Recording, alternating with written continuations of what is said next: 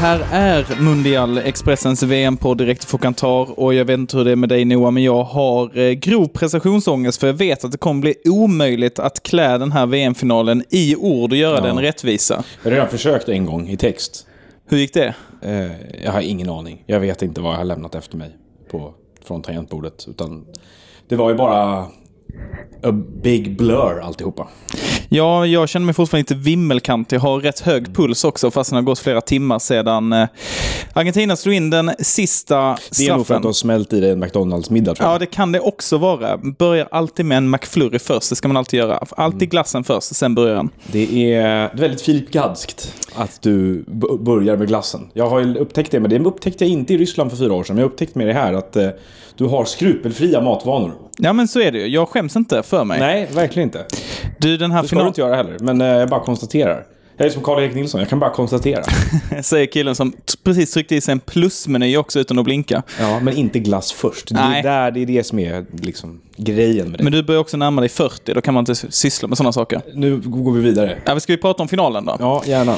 Ja, och var ska man börja då i, i allt detta? Eh, vi kan väl börja med att konstatera att det är ju eh, det mest makalösa VM-dramat genom alla tider. Ja, det är den bästa VM-finalen som har spelats. Och eh, jag säger det utan att ha sett alla.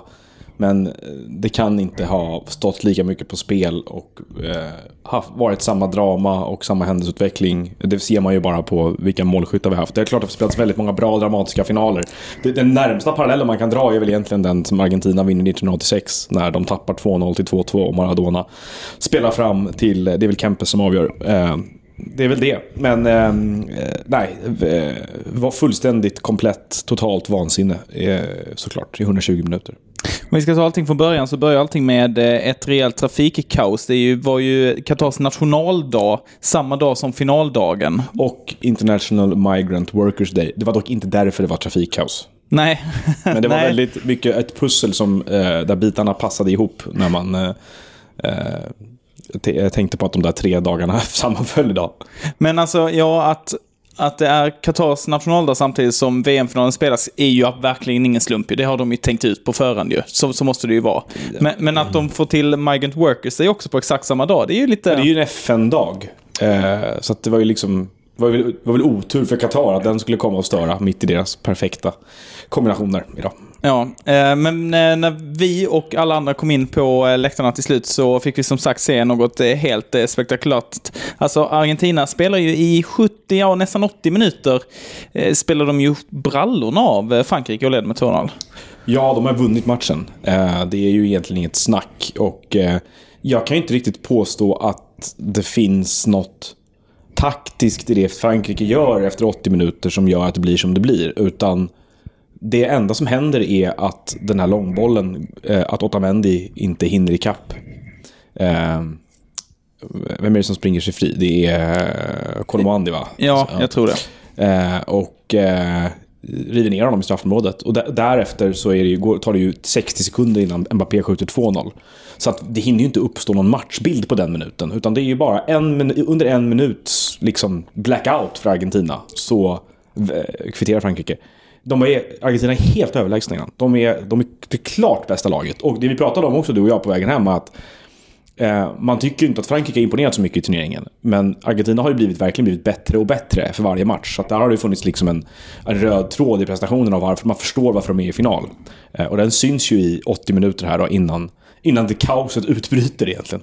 Ja, men alltså, det är ju helt sjukt egentligen eh, vad man lurar sig själv eh, enkelt. För du, både du och jag har ju sett Eh, och alla ni som har tittat på eh, VM framför tv-apparaten också, sett hur eh, Argentina då eh, mot Australien är extremt nära på att tappa Till 2-2 ja. segern där. Alltså det är ex extremt nära att de går från 2-0 och en helt kassaskåpssäker seger till att vara bara någon millimeter från att det blir förlängning och 2-2. Och sen då det som händer mot Nederländerna också, där det såg också klappat och klart ut. Wout van Weghorst smäller in två mål och sen så blir det eh, straffdrama av det där. Och en, man, man vet att det där har hänt i VM. Man har det liksom någonstans i närminnet. Och ändå sitter i alla fall jag och tänker att Argentina släpper inte detta. Finns Nej. inte en chans. Nej, jag väntade på 3-0 och de hade ju chanser. Och Frankrike hade inga chanser. Så det var inte så konstigt att man tänkte på det sättet. Och de hade dessutom ställt av Kroatien utan det här liksom, samma, nervsammanbrottet i andra halvlek. Så att, nej, eh, det, det, det, fotboll är otroligt konstigt ibland och svårt att förklara. Och det var så typiskt Didier Deschamps Frankrike. Han kommer in i matchen helt utan fungerande matchplan. Gör stora förändringar utan att någonting i matchen faktiskt förändras. Och ur in, från ingenstans, från himlen ramlar kvitter, reduceringen och kvitteringen ner inom loppet av en minut. Och det, gör, de, det kommer av avbytarna, men det liksom, effekten träder ju i kraft då, vadå? 50 minuter senare från att Ja. han har bytt in dem. Eh, och, och, och liksom ex, otroligt Deschampskt allting bara. Att eh, det, lö, det löser sig hela tiden bara grejer. Och frågar man honom själv så var det säkert kalkylerat så ju. Ja, det kan jag tänka mig. Nej, men det är ju så med honom. Det är, jag skrev om honom idag också. Att det liksom är, han påminner om eh, en karaktär i eh, Mr. Chance i filmen Being There. Han, jag tror jag har sagt det förut i den här podden kanske till och med. Han, han, liksom, typ, han bara säger saker och alla tolkar. Den här karaktären bara säger saker och alla tolkar det som genialt varje gång han öppnar munnen. Duchamp gör saker och i efterhand så säger man att ah, det där var rätt smart. Men man kan inte, liksom inte riktigt fatta eh, analysgrunden till det. Liksom, utan det är bara... Det bara sker. Saker bara sker. Men svaret på alla frågor, även här, så som det har varit för Frankrike under hela detta VM, är ju Kylian Mbappé.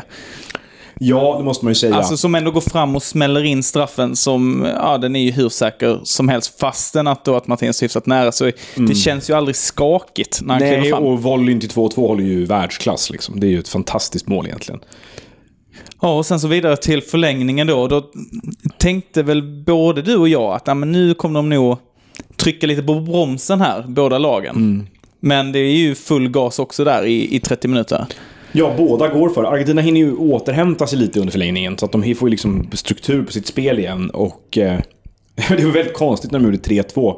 Det tyckte både du och jag. Därför att det som är, eh, det som är lurigt där är ju att man bollen är inne, så mycket förstår man ju. Alltså att även om Frankrike faktiskt rensar den ur egen målbur så är den ju, det är väl Koundé som är inne i målburen tror jag. Så är den ju inne, det ser man, det är man rätt övertygad om. Men dom, linjedomaren vinkar ju för offside. Eh, och, och man, det är liksom den här 30 sekunderna av osäkerhet att, aha, är det avblåst eller? Gills det här? Ska de, för de fortsätter ju fira, och, men publiken blev lite så här osäker. Eh, så att, menar, har Messi precis gjort 3-2 i förlängningen av en VM-final till Argentina så låter ju reaktionen på ett helt annat sätt än vad den gjorde. Och därför kändes det ju, i alla fall i efterhand, nu när vi vet hur det slutade, så känns det nästan skönt att sedan att eh, Kylian Mbappé får göra 3-3 på straff. För att, för att hade det blivit det här 3-2 målet som hade avgjort då och Lionel Messi hade gjort det och liksom äntligen skickat hem ett VM-guld till, eh, till eh, Argentina och allt det här snacket om Maradona och så vidare. Och så, och så är det på det där sättet när det liksom inte blir det här riktigt förlösta. Nej, inget crescendo liksom. Ingen explosion av det. Nej, jag håller med dig. Däremot var det ju liksom med straffen till Frankrike så var mitt intryck att alla på läktarna var så utmattade av allt drama att det var knappt förekommer reaktion. Det var bara så här, jaha, en straff till. Ja. Alltså man liksom bara... Man, bara, man tappar räkningen. Vad står det ens? Liksom, kände man. Nej, man hade nästan behövt sitta med varsin kulram liksom. Ja. Bara, hur många mål har de gjort nu? Ja. Hur många, ja, okej, ja men de fanns, ja, okej, ja men kör, visst, kör på. Kan vi backa tillbaka lite här nu? Vad gjorde, hur många mål gjorde du i första halvlek? Nej, men det var... Eh, jag, jag skakade ju på riktigt. Jag har aldrig gjort det förut på en fotbollsmatch. Det kan ha varit att jag var hungrig också. Men jag satt, jag satt och skakade i hela kroppen i när straffläggningen började. Liksom, jag fick så svimkänslor nästan för att det var så monumentalt allting. Ja, det, är liksom, det är ju verkligen ett larger than life moment på något sätt. Att det är liksom, det är alla planeter står ju på rad samtidigt. Det är en VM-final, det är Lionel Messis allra sista chans. Han ställs mot liksom nästa generations superstjärna. Kanske då, det, om tio år är det kanske Kylian med Mbappé vi pratar om som den bästa fotbollsspelaren genom alla tider. Och matchen har liksom avgjorts tre gånger. Eh, och det är eh, 90 000 på läktarna. Och det är fullständigt kalabalik och de går fram för att slå straffarna. Och det är, som du säger, det är, man förloras liksom in i den där inramningen där inne ganska mycket när straffarna ska, ska läggas. Och sen är ju både du och jag ju objektiva i det här såklart ju, men in, innerst inne så kände i alla fall jag att Argentina kan väl få detta med straffläggningen. Med Ja, tanke- dels, det känner man ju så för att Frankrike vann sist kanske. Och, ja, mycket det. och, att, och att det finns någonting stimulerande i att Messis liksom, karriär blir symmetrisk. Att han, får, att han får klara spelet, som många har uttryckt det här efteråt. Att han är liksom... Eh, han får, att han får sätta kronan på verket med det här. Att det, det var någonting väldigt lockande i den tanken tyckte jag också. Och efteråt så är det väldigt mycket glädje och eh, Messi går först ner på sina knän och omkramas av alla. Det var li lite fint efter eh, den avgörande straffen så är det nästan som att de argentinska spelarna som måste välja läger här. Mm. Att hälften springer bort mot, Eh, heter han? heter Gonzalo eh, Montiel. ja, som, tack, som slår in den avgörande straffen. Hälften springer dit och hälften väljer eh, att hänga med eh, Lionel Messi som bara går ner på knä vid, Mm. vid mittcirkeln. Det var nästan så att man såg på vissa spelare att när de börjar kuta in från eh, avbytarbänken så är det nästan som att de måste liksom ta ett snabbt beslut här. Vem väljer jag nu? Väljer jag han som slog in straffen eller han det betyder allra mest för? Och så fick man välja lite hur man ville. Nej, men det var eh, rörigt. Och Messi själv var ju rätt intressant efteråt där, för då var ju väldigt många av dem runt och firade i grupp. Han gick ju runt på egen hand. Ganska mycket. Och kisade, letade efter sin familj på läktaren tror jag. Kisade Ja, mycket mamman var inne på planen sen. Ja, precis. Nej, men han, var, han var själv väldigt länge efteråt där. Alltså gick runt för sig själv. Det var liksom, jag kunde tycka det fanns någon symbolik i det också. Att, att han, han har släpat det här laget liksom genom det här slutspelet på något sätt. Att han väl tog in stunden på, eget, på egen hand också efteråt. Sen är jag lite kluven till det faktum att eh, Sergio Aguero var väldigt snabbt inne på planen Ja. med en argentinsk landslagströja. Var även sen med uppe på podiet och fick lyfta VM-pokalen Ja, det också. var ett eh, John Terry moment faktiskt. Det var ju precis som John Terry efter Chelseas Champions League-seger 2012 då. Eh, när han ju kom ut i full match direkt fast han inte hade spelat någonting. Jag vet inte riktigt vad jag tycker om det. Visst, det är ju fint på ett sätt, Aguero som då fick, han fick ju avsluta sin Han- karriär han lite för tidigt VM. på grund av... Han vann inte Ja, men VM, han har, inte, han har inte varit med. Nej, han, var, har inte han vann inte VM. Ja, jag tycker också det var konstigt. Det var lite, men det var ju ännu konstigare då att den här eh, saltande kändisslaktaren var inne på planen och tog selfies med spelarna och fick hålla i VM-pokalen och posera med den. Ja, Salt Bay pratar jag om då, som Ja. ju har varit en eh, perifer men ändå frekvent förekommande figur på VIP-läktarna här under VM. eh, Hängt runt med både spelare och Gianni Infantino och nu alltså då Fifa gav honom alltså tillstånd att vara på planen med Argentina när de firade titeln och ta bilder med spelarna. Man undrar ju liksom hur de resonerar med sina akkrediteringar till olika platser och grejer ibland. Men, Ja, men måste där ju- var han. De måste ju akta sig också här Fifa för att eh, eh, VM-pokalen är ju, eh, ja, objektivt sett är den väl världens snyggaste pokal. Ja. Och liksom, det känns som att den har sånt skimmer över sig och det är så laddad att den ska bara tillhöra vissa spelare. Man kan liksom inte bara kasta runt den till Salt Base hit och liksom Nej, bara hålla vår, vår vän på. Tacknede Palmer Devalvera lyckades ju nudda den i mixade zonen sen också. Ja, bara det. Ja, så nu har det varit många fingrar där. Ja, sen får tvätta den ordentligt efter den här svängen. Men Zlatan var också på plats. Så vi på, på på, läktaren höll ju stenhårt på Frankrike kan vi tänka oss. Han var väl inbjuden av eh, PSGs eh, president, verkade som, och hängde med Macron och eh, Nasser. Al-Khelaifi och emiren av Qatar bland annat. Och Pogba var där också. Mm. Såg rätt sammanbiten ut efter eh, slutsignalen. Ja, sen kanske man inte ska läsa av hans ansiktsuttryck för mycket. Men, av, på grund av det. Men eh, det han han han, var ju med det franska läget. det kändes som det att han höll Frankrike. Eh, men sen hände det ju någonting då vid prisutdelningen också. Messi vann ju då eh, turneringens spelare och eh, Mbappé fick guldskon. Han gjorde ju totalt, vad blev det till slut för honom? Eh, åtta mål va, i den här turneringen. Eh, Det är, han har gjort 12 på 14 VM-matcher tror jag. Han är 23 år. Ja, Det är alltså, en, det är en, det är en hygglig in- start på VM-karriären. Tänk dig in i Kylian Mbappés hjärna. Alltså han har gjort hattrick. Han har vunnit eh, guldskon, gjort flest mål hela VM. Men vinner ändå inte VM-guld. Nej. Eh, nej, han såg inte så glad ut när han fick Nej, det var, ju eh, synd, det var ju faktiskt synd om honom när de trycker upp honom igen. Först så ska de då, han- först ska han gå upp och ta emot sitt pris och sen så stannar de honom, tar lite bilder här och ser glad ut. Ja, det är omöjligt för honom att se glad ut ju. Men inte nog med det, att sen när alla andra har fått sina priser, det var ju tre stycken argentinare som fick resten av priserna, då ska de upp alla fyra. Ja, Och sen så när de var klara med det eh, så kom, kom någon Fifa-kille eller tjej på att "Ja, vänta, vänta, vi skulle ta en bild med Hernandez också för han vann inför yngsta. Så fick Mbappé igen gå upp igen. Ja. Så han var uppe Ja. tre gånger och skulle ta bilder. Jag tyckte synd om honom där. men eh, jag var inte den enda som råkade ut för någonting oväntat då på scenen där. För när eh, Messi äntligen skulle få lyfta VM-pokalen. Vänta, så- innan det, vi måste bara ta det faktum också att eh, Martinez eh, tog sitt Ja, pris han och, blev ju då och, höll turnering, turneringens målvakt, Emiliano Ja. Martinez. Och gjorde liksom det killigaste av alla killiga saker man kan göra. Ja. Han tog priset och... Låtsades att det var hans snopp. Eh, japp, såklart. Eh, och det var, det vart ju dock roliga foton på det, därför att det stod ju olika digniteter bakom där och tittade väldigt förbryllat på honom medan han gjorde det. Det kändes som att det var eh, lite out of place. Det var, ingenting, det var ingenting som brukade hända vid ceremonier i det här landet. Nej, om man, ska ha, om man ska ha en bild som ska illustrera uttrycket “boys will be boys” så kan man ta det. Ja, så kan man göra. Och sen Eh, Messi då? Ja, nej men och då eh, när han skulle ta emot den så hängde ju eh, emiren av Qatar och eh, eh, Gianni Infantino på honom en, eh, en sorts eh, kappa kan man säga. Om jag har förstått rätt så heter den bisht.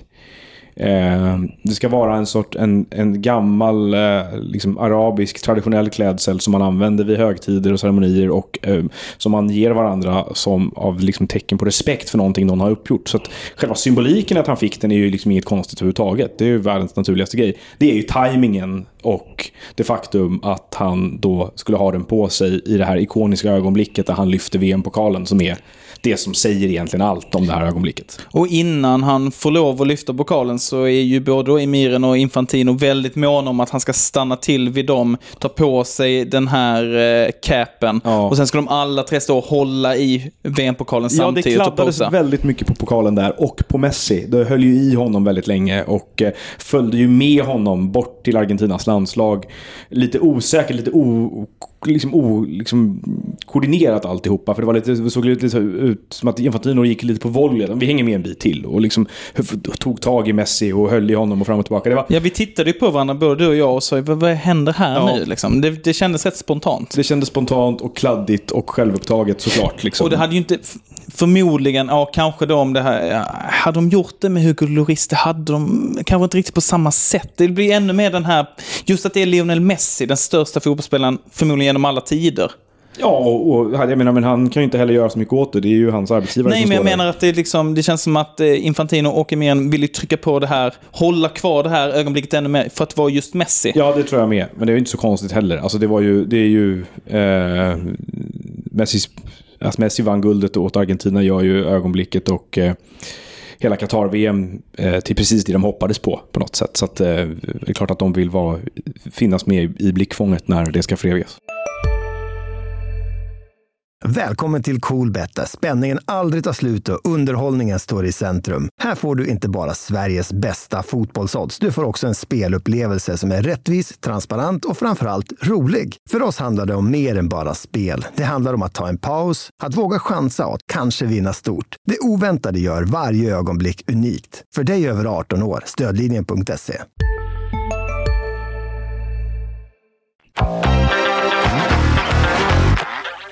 Och om man hade glömt under den här eh, sjuka finalen att det här är ett väldigt speciellt VM så fick man ju en påminnelse om det där och då.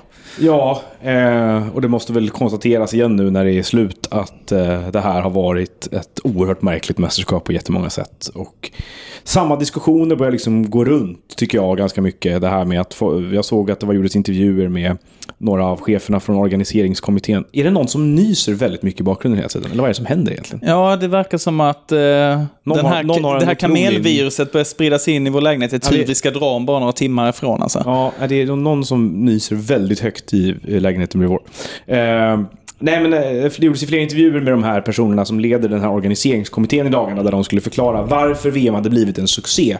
Och de liksom sitter och pratar om att det har varit fantastisk fotboll och spännande matcher och gjorts mycket mål och grejer. Det har ju absolut ingenting att göra med själva arrangemanget eller Fifa eller någonting. Och det vill man ju vara noga att påminna med när vi eh, såg den här finalen idag. Att det här hade ingenting med dem att göra såklart. Och det här att det var, att det var en rolig final är ju inte på något sätt liksom, ja men det kanske var rätt bra att Qatar fick VM i alla fall. Det var fortfarande ett eh, historiskt eh, jobbigt och eh, knöligt mästerskap. Och jag i alla fall, jag vet inte vad du känner Filip, men jag i alla fall eh, åker härifrån med en, med en större klump i magen inför vad som håller på att hända med fotbollen än när jag kom hit. Mycket på grund av att det har levt upp till, det här VMet har levt upp till precis alla farhågor jag hade eh, om hur det skulle se ut och kännas. Och eh, det har dessutom eh, tydliggjort också vilket, vilket otroligt försvinnande litet motstånd mot den här utvecklingen som finns och hur svag mobiliseringen är. Nej, det är väl mer åt andra hållet att det nästan finns eh, ett omfamnande. En likgiltighet skulle jag säga. Ja, jag tror liksom, inte att jättemånga liksom säger att de, att de aktivt stöttar det här. Men det är snarare här att känslan att folk orkar inte bry sig. Nej, på sin höjd så är det ju att eh, Gianni Infantino buas ut lite då och då när han eh, syns på en eh, storbildsskärm eller ska gå in och dela ut bronsmedaljer. Men annars så är ju känslan, i alla fall som jag har fått intrycket av bland supporterna här på plats, att man lite go with the flow. Nu är det här som gäller. Okej, okay, vi är med på det. Vi vill jättegärna se fotboll. Och är det under de här premisserna? Okej, okay, ja, det är bara att köpa läget. Det ska väl sägas då att eh, när det gäller vad supportrar på plats i Qatar har tyckt och tänkt så har ju det varit en minimal representation från Europa här. Alltså det har varit otroligt lite folk från Europa. Eh, de europeiska landslagen som har spelat, ja Frankrike hade väl idag det största stödet på plats av något lag, men det var inte jättemånga fransoser inne på eh, Lusail-stadion heller. Eh, totalt eh, utnumrerade av argentinare. Så att den europeiska fotbollens liksom, problem med vad som händer det är nog ganska starkt fortfarande tror jag, kan jag tänka mig. Och de var inte här och yttrade det på något sätt, utan de har ju liksom stannat hemma då. Och det är, det är fler länder än nordvästra Europa. De här åsikterna finns ju över hela kontinenten. Men eh, eh det ändrar ju ingenting. Och framförallt inte för mig, och jag tror framförallt inte för speciellt många i Sverige, att eh, vi har ju en idé om fotbollen som vi tycker är ganska viktig. Därför vår fotboll ser ut som den gör i Sverige. Och den idén kommer att man att behöva slåss för framöver. För att den här utvecklingen kommer att ställa krav på svensk fotboll, är jag helt övertygad om. Och eh, också utställa den inför väldigt mycket tuffa frågor och eh, jobbiga kamper att ta. Därför att vad som behöver göras är ju att få över fler på sidan av, eh, den, här, eh, av de här, eh, i den här striden som tycker att det här är, inte är rätt väg att gå.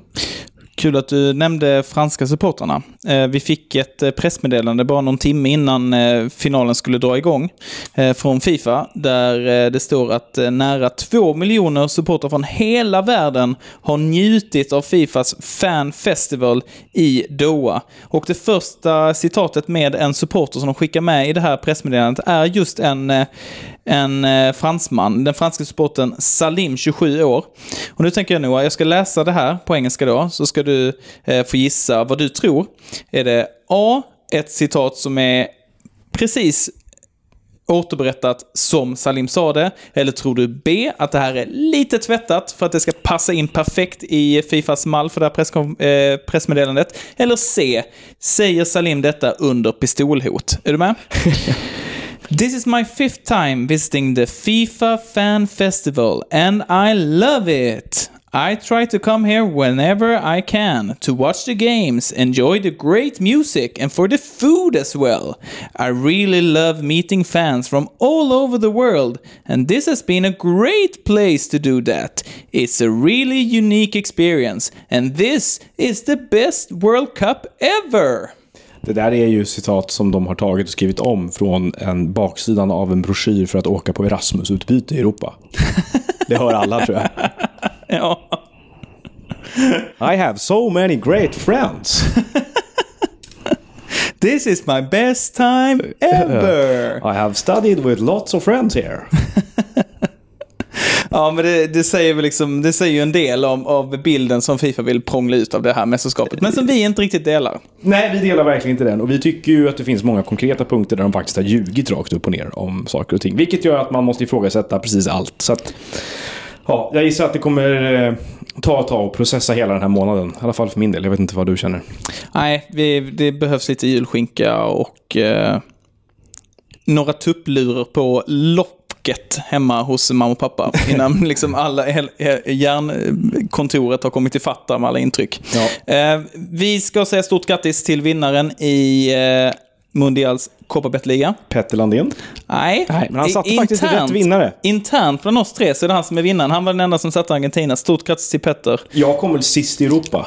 Ja, så kan det nog vara. Du, ja. Jag var före dig i alla fall. Jag hade ett fruktansvärt ras på ja, slutet. Nej, du var, du var patetiskt. Jag hade inte ett lag kvar efter åttondelsfinalen. Typ. Nej, det var extremt dåligt av dig. Jag bojkottade hela VM. Desto bättre av den store dominanten under hela detta VM. Vi har pratat om honom tidigare och nu utser vi honom och benämner honom till vinnare i Mundials Copa-Bet-liga. Han heter Dr. Dre.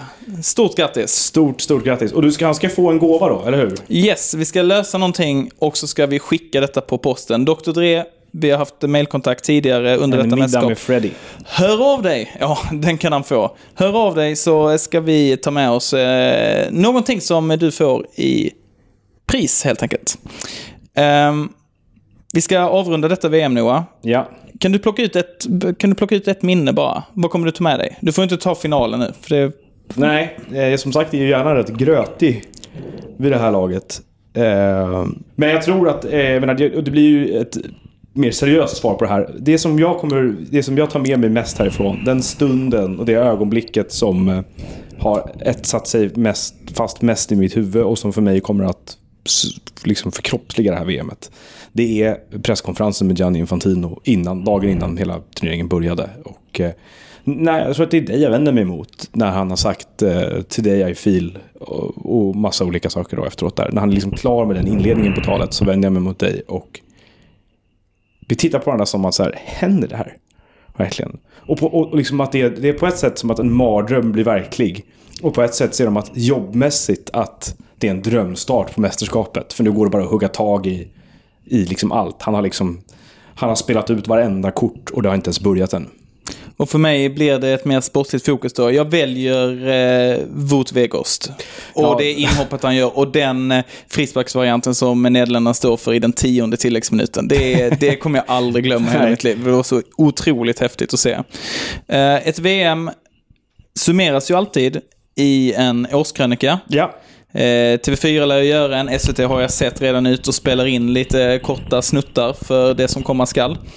Eh, är det jag... de här grejerna när Glenn Strömberg skriker att Johan Kücükaslan ska sluta komma sent? ja, jag hoppas att det är med i eh, Directors Cut på SVT Play senare. Men jag tänker att vi ska ha vår eh, egna eh, VM-krönika redan nu. Jaha. Med eh, Glenn Hussein. Hej, Ulf Kristersson här.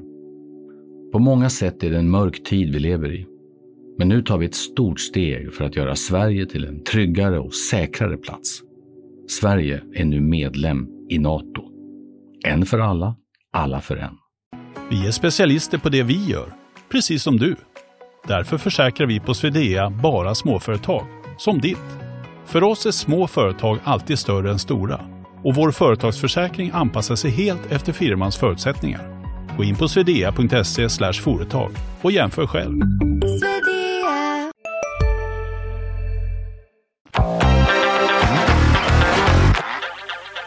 Glenn Hysén, en av eh, Sveriges eh, främsta försvarare genom alla tider. Tidigare tv-expert, numera flitig twittrare. Jag tänker att vi tar oss igenom... Spelbolagsreklamsprofil. Det också. Jag tänker att vi tar oss igenom VM genom Glenn Hyséns Twitter-glasögon. Jag okay. läser upp lite tweets som han har lagt under mästerskapet och så minns vi. Det börjar redan dagen innan eh, första matchen när Glenn skriver så här. Fy fan vad gött att höra Jan Anderssons kommentar till ölförbudet under fotbolls-VM. Fem klappande emojis. Att inte supportrar får ta en bira under en match under VM. Sex klappande emojis. Ha det gott, Glenn. Vidare in, när väl mästerskapet har börjat. Herre jävlar! 1-0 Australien. Säcken öppning på matchen. Härligt! Juhu! Ha det gott, Glenn. Kommer du ihåg den matchen? 1-0 Australien. Ja. Vidare. Kanada gör ju en underbar första halvlek mot Belgien. Säcka gubbar. Noll respekt för Belgien. Hoppas de fortsätter så. Ha det gott, Glenn. Så jävla dåligt att döma straff för Argentina och så jävla gött att han tog straffen. Rättvisa skipad! Ha det gott, Glenn. Många män är tydligen hemma från jobbet just nu. Kan det bero på fotbolls-VM eller mag-Qatar? Ha det gott, Glenn. Come on England, come on England! Ha det gott, Glenn. Med en bild på Glenn utklädd till tomte. 1-1 England. Ja! Så jävla gött! Ha det gott, Glenn. Vi håller på Kroatien allihopa. Glenn, Glenn, Glenn och Glenn. Ha det gott, Glenn. Nu kör vi Kroatien. Kör järnet. Ha det gott, Glenn. Grattis Argentina! Messi! Säcken gubbe! Ha det gott, Glenn. Och så till sist. Säcken VM-final! Jag har nog gått ner tre kilo. Jag har studsat upp och ner i soffan som en jävla galning. Fotbollen är det som bäst! Ha det gott, Glenn. Ska vi också tacka för oss då? Eh, och önska våra lyssnare som har följt med oss genom dig, mig och Petter från det att vi började banda våra införavsnitt för ganska länge sedan nu.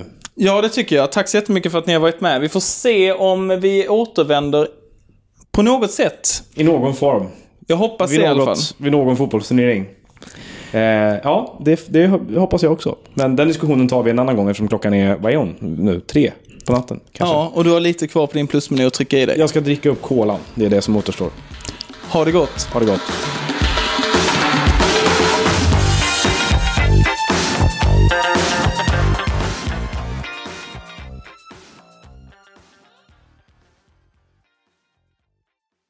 Du har lyssnat på en podcast från Expressen. Ansvarig utgivare Klas Granström